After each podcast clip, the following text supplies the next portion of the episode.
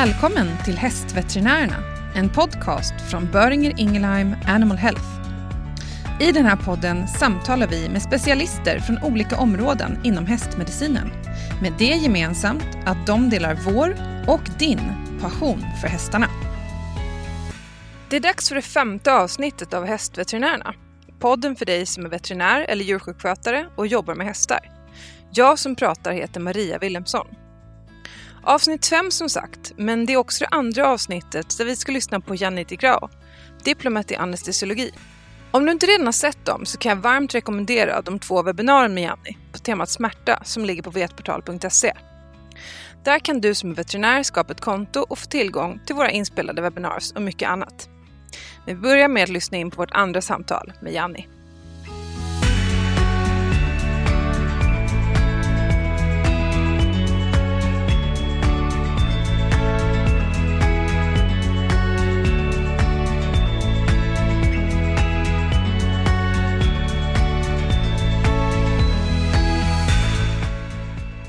I'm here again with Janny, who is going to do the second podcast episode uh, about pain and pain physiology and pain management in horses.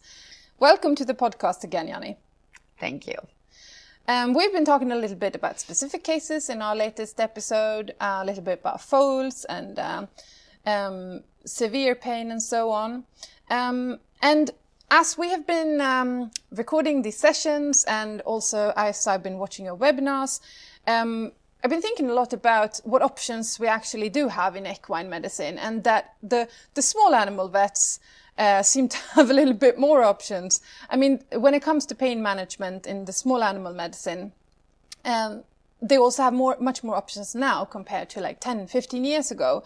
Um, how in the same amount of time, how would you describe the development, uh, our understanding of the equine side when it comes to pain physiology, but also the assessment and the management? Oh, that's actually a really good question. Um, yeah, I also act as an anesthesia and analgesia specialist for, for small animals. So certainly mm. I feel there's more room there for, um, there's a bigger toolbox, yeah, yeah. right? As you indicate, there's uh, drugs out there um, that we don't have on the equine market. So one of the things that's definitely hampering us is that the food producing animal legislation um, and the licensing that is required um, does, I think, put a brake on the mm. release of drugs to the equine market. Um, at the same time, it's also inherent to equine practice that whenever drugs are, so we have had and have seen new drugs come out, which sometimes the, the even if there are mild adverse effects in horses, because the horse is a large flight animal, a slight behavioral response would be a big thing, mm. right? And we all know that buprenorphine in several studies, but also particularly in clinical practice, people tend to find that these horses get more of the locomotion stimulation than we would typically see with other opioids. So mm. this can sometimes put a break on your using a drug, which you would gladly embrace mm. um, because of a specific equine side effect or concern. Yeah. Right? I also think the past 10 to 15 years, I've seen a bit of a reappraisal of opioids in equine practice. Um, that is not to say, you know, opioids are great for any kind of pain. Please put opioids in.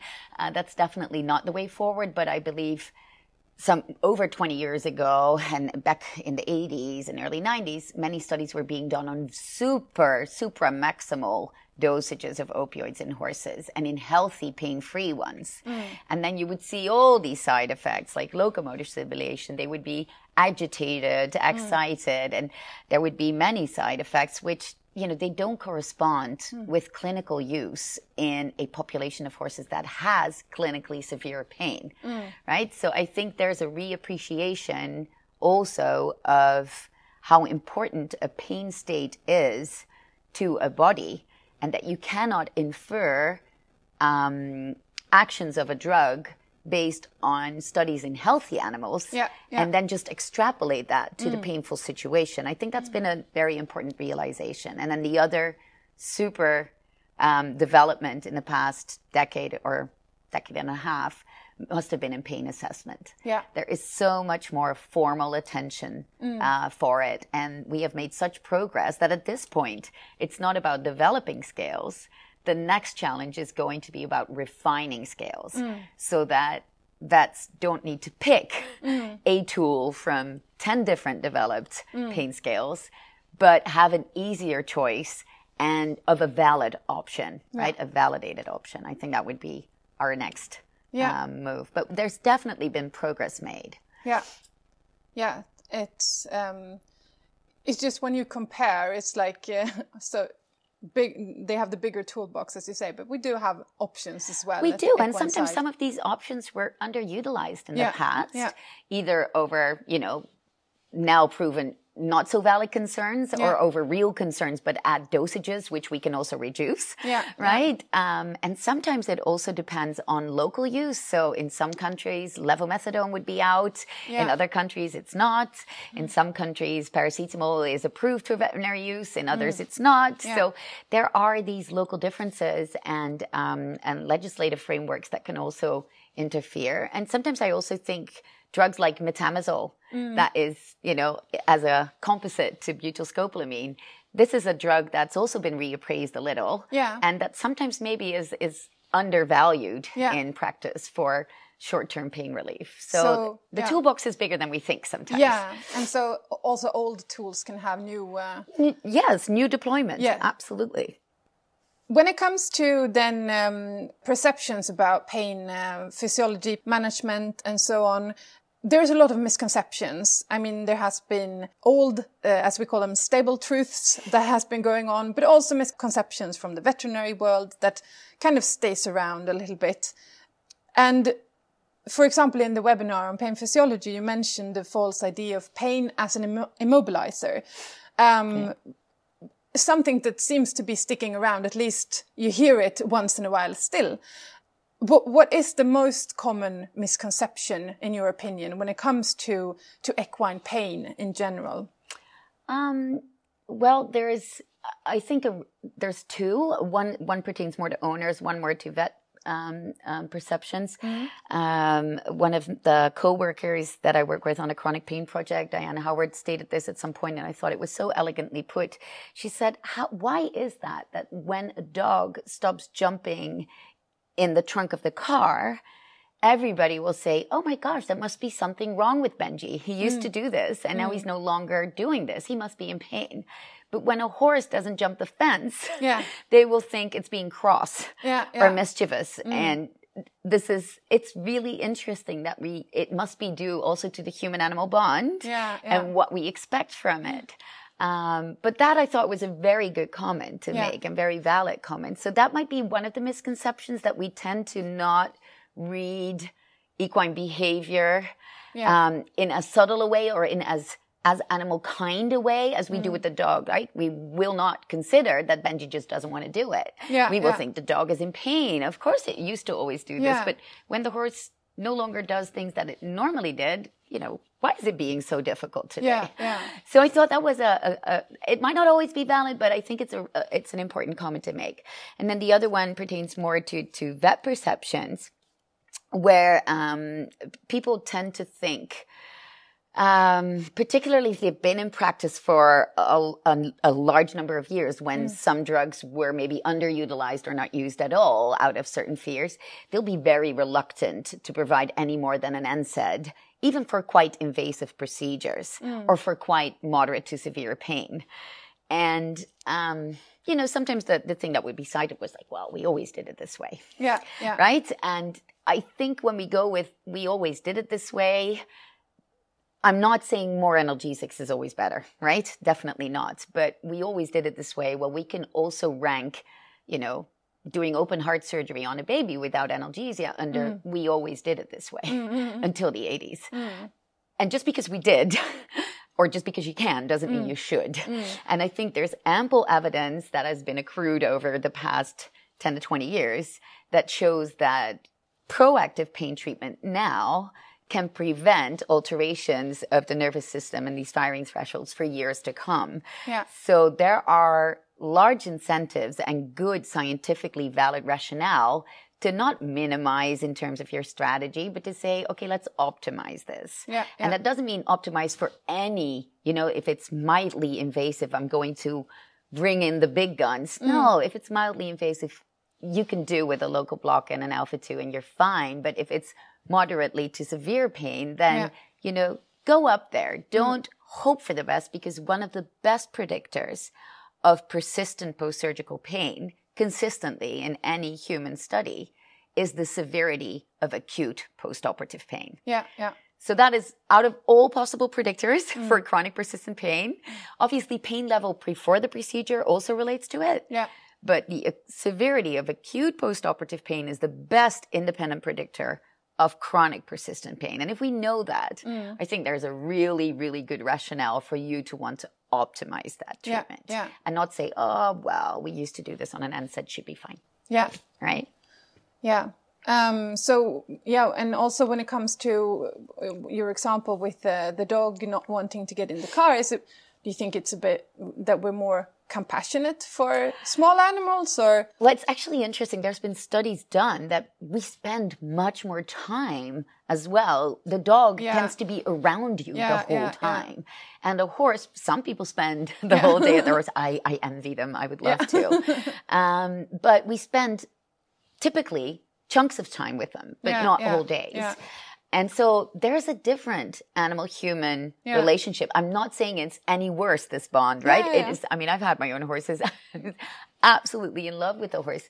Um, but we do have a difference and there is just more, and it's good for us to realize that there are more hurdles Yeah. Mm. to us interpreting horse behavior than there are to us interpreting dog behavior possibly. The same holds true for cats. yeah, yeah, We know that people find it much harder to guesstimate pain in cats than Yeah. they do in dogs. Yeah, yeah? So there's definitely. personality parts there Yeah. and closeness of how we can relate to something Yeah, of course.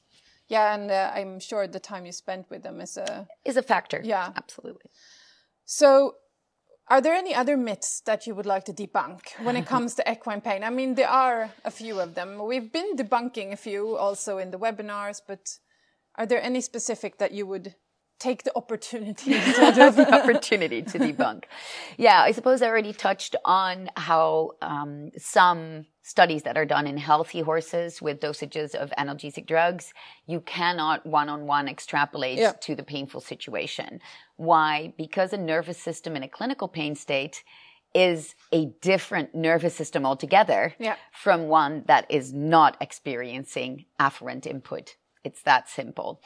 So we know that pain can affect GI motility. If we're going to look at GI motility impairment by analgesics, we should ideally, sure, we can start with healthy animals and see what happens, but then ideally we need to then confirm these data in a study where clinically painful animals are either treated with a drug or not, right? And then we look at mm. GI motility issues. And I think that's an important thing where, um, for instance, in joint disease, very commonly people jump from the in vitro situation and say, mm. oh, this drug seems to work on synovitis or it works on the cartilage in a petri dish, mm. so it will also work in the horse. Well, it's a mm. it's a far cry, right? Yeah, we, yeah. We're we're making a massive leap of faith there. I think for analgesia, the leap of faith is sometimes from the healthy horse situation, given a dose, to the clinical situation with a painful animal, maybe receiving multiple drugs at the same time, and pain progressing or regressing over time. So that I think is an important one. Um, the other myth to debunk is definitely the reluctance sometimes to um, consider that instead of adding yet another drug or trying a higher dose of the same drug is going to get you this super response. Yeah, you know, so maybe it's um, the reality check Yeah. sometimes where we are the guardians of the welfare of the horse and that if we start to feel that it is unlikely Yeah. that we're going to change the clinical condition of the horse enough Mm. for what it needs that we do enter into the conversation with the owner because at the end of the day the owners are concerned about their horse's welfare and they want it to benefit from this treatment as much Yeah. as you do um, so it's important that you take them along particularly for conditions that are as frustrating as recurrent colics, you know, these mild spasmodics that come back all the time, or osteoarthritis, where there's good periods and bad periods, and generally it's slowly progressive. If we pretend as though, you know, the next drug we try is going to be the cure Yeah. or the fix, we're only creating an owner that starts to lose faith. Yeah, yeah. Right? We set ourselves up for failure and we lose the owner along the story. So I think it's important that we sometimes also are very honest about what um, current medicine can and Yeah. cannot offer. And so for osteoarthritis, I mean, I always tell people look in a drugstore. Yeah. There's 50 bottles there with Yeah. Osteoarthritic drugs. Well, anti osteoarthritic drugs. And then I Mm-hmm. always say what we should take as a cue is apparently there is no cure for Mm. that pain. If any of those drugs was the answer, why would the other ones be around? Mm, And so I think it's important that vets also have the the nerve and the take the time to ex- to talk to the owner Yeah. about their expectation management. You will find general practitioners, so human GPs, doing this a lot. Yeah. When you come to them for a consultation, they'll ask you outright, "What is your treatment question for me? Yeah. you know what to, what are you expecting Yeah, from yeah. this?" And I think sometimes it's good to get the expectance, Mm. you know, just outspoken and explicit, so that you can debunk the myths Yeah, yeah. already. Yeah.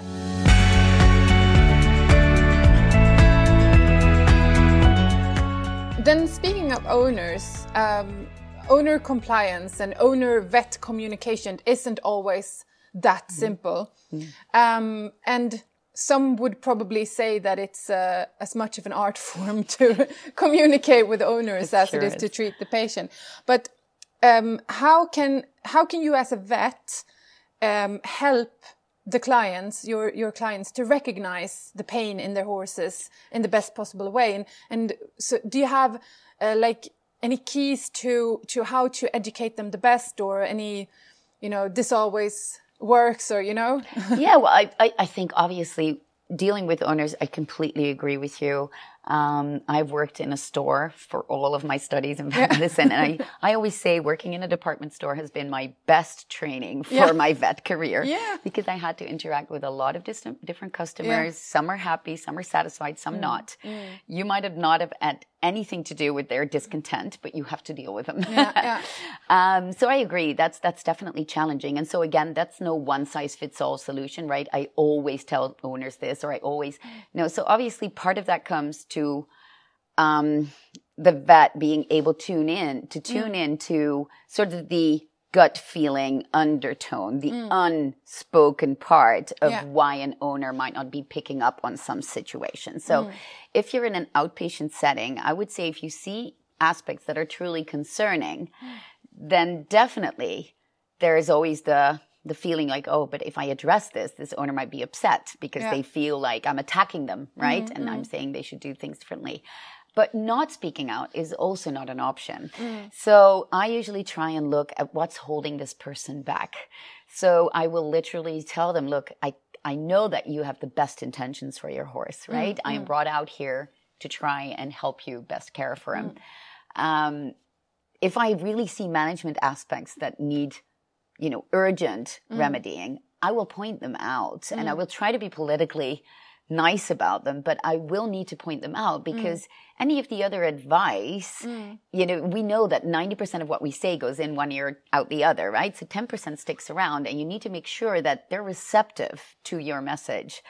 So um, I'm not about smooth talking. Sometimes you have an owner who has very preconceived ideas Yeah. about, look, when I have a pain in my foot or in my, you know, I have a headache, I don't take paracetamol, I don't take ibuprofen, I don't believe in these drugs. It's all rubbish. You know, it's it's it's it's polluting my system, and I don't want this.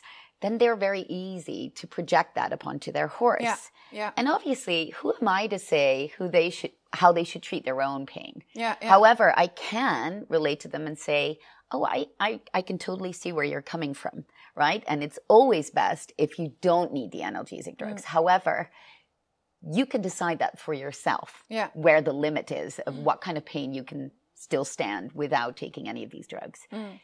But it is who are we to project that upon the horse, Mm, right? The horse doesn't have a voice. It cannot tell you that the same way. So I will try and work with them so that I understand and try to show understanding for their beliefs or their um, preconceived ideas about, you know, pain and analgesics, and then just work casually towards the, hey, but we are not talking about self-reported pain here. You know, making them aware. And sometimes I really pass them, you know, the, the, the websites tell them, look, you know, this, these are easily accessible sources if you wonder about what pain expressions look like in horses, mm, or mm. if you wonder what a management change can contribute to your mm. horse's well-being. You know, whether it's trying to prevent cribbing or providing feed um, through slow feeders, or whatever it is, I try and just bring up these items in a non-confrontational way because the end of the day, the entire management would need to change. It's usually not just somebody's ground feeling towards analgesics that's mm-hmm. something for you to work on. It might be something else. Mm. It might be, and sometimes you really through these talks come to, well, you know, I personally am suffering from chronic pain and this is what I experience. So sometimes when you scratch the surface Yeah. with these owners, some story pops up that allows you to better understand where they're coming from. Yeah. And that can then be the opening to, because if you just provide a, a folder or a brochure or a website, you know, they're Yeah. unlikely to take that from you. But if you've made a connection, then they're much more likely to be open to the next message. Yeah.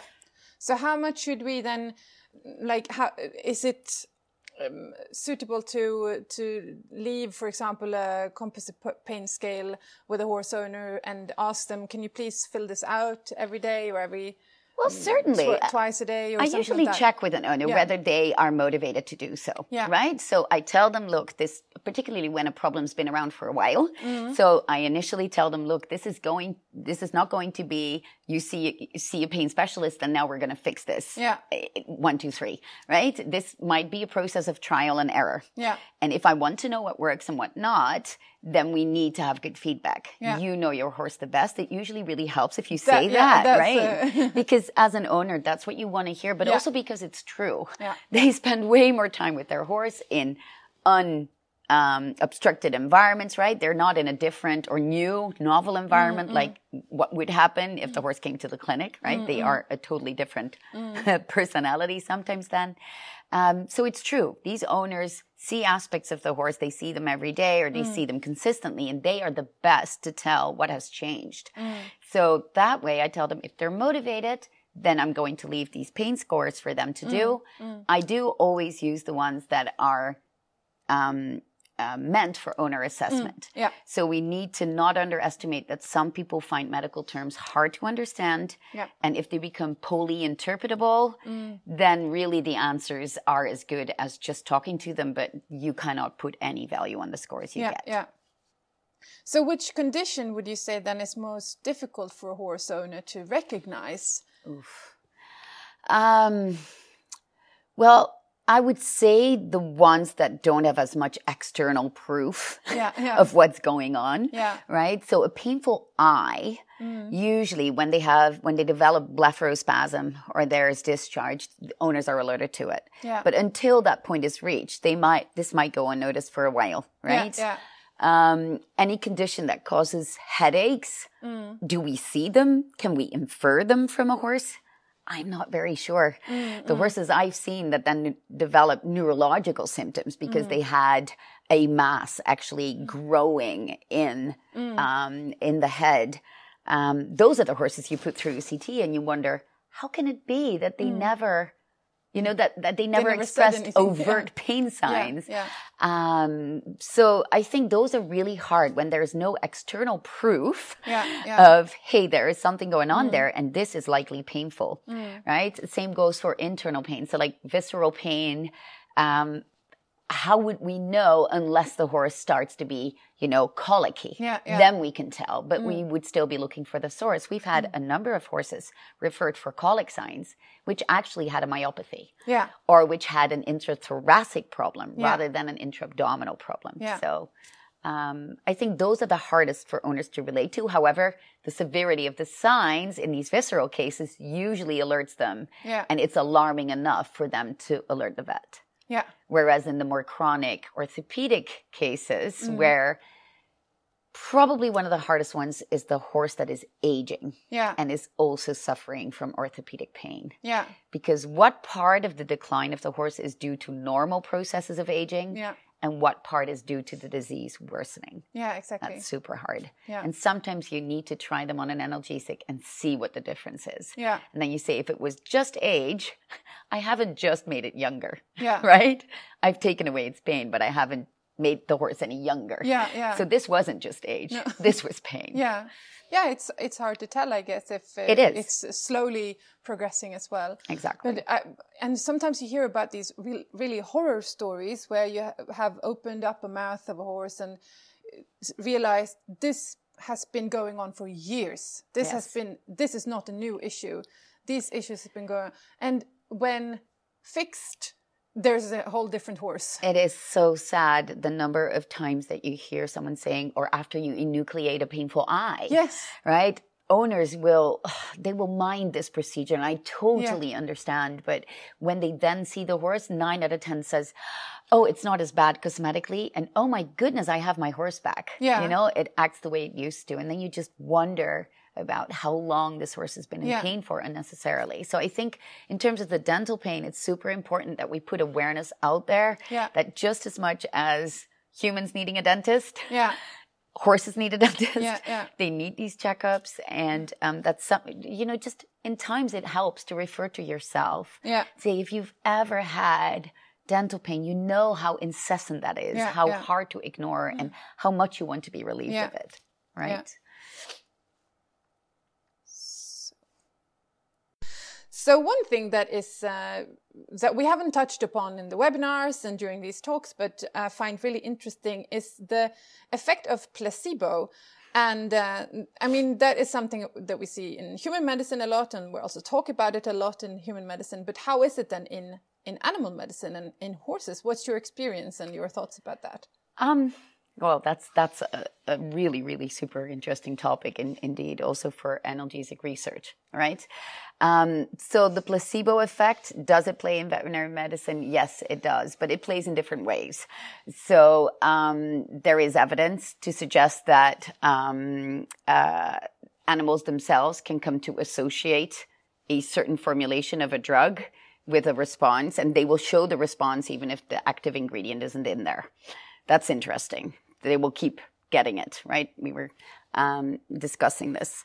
Um, the other thing that is interesting is an owner placebo effect, right? Yeah. So again, there's this extra layer that comes in in veterinary medicine where the observer um, might have preconceived ideas about, um, hey, this is really helping. You Yeah, know, we yeah. started giving the treatment Yeah. and my animal is getting better. So there is a number of studies that will show that the owner assessment of the uh, the dog or the horse is improving, even though the objective assessment or the force plate analysis for lameness, for instance, doesn't really show an improvement.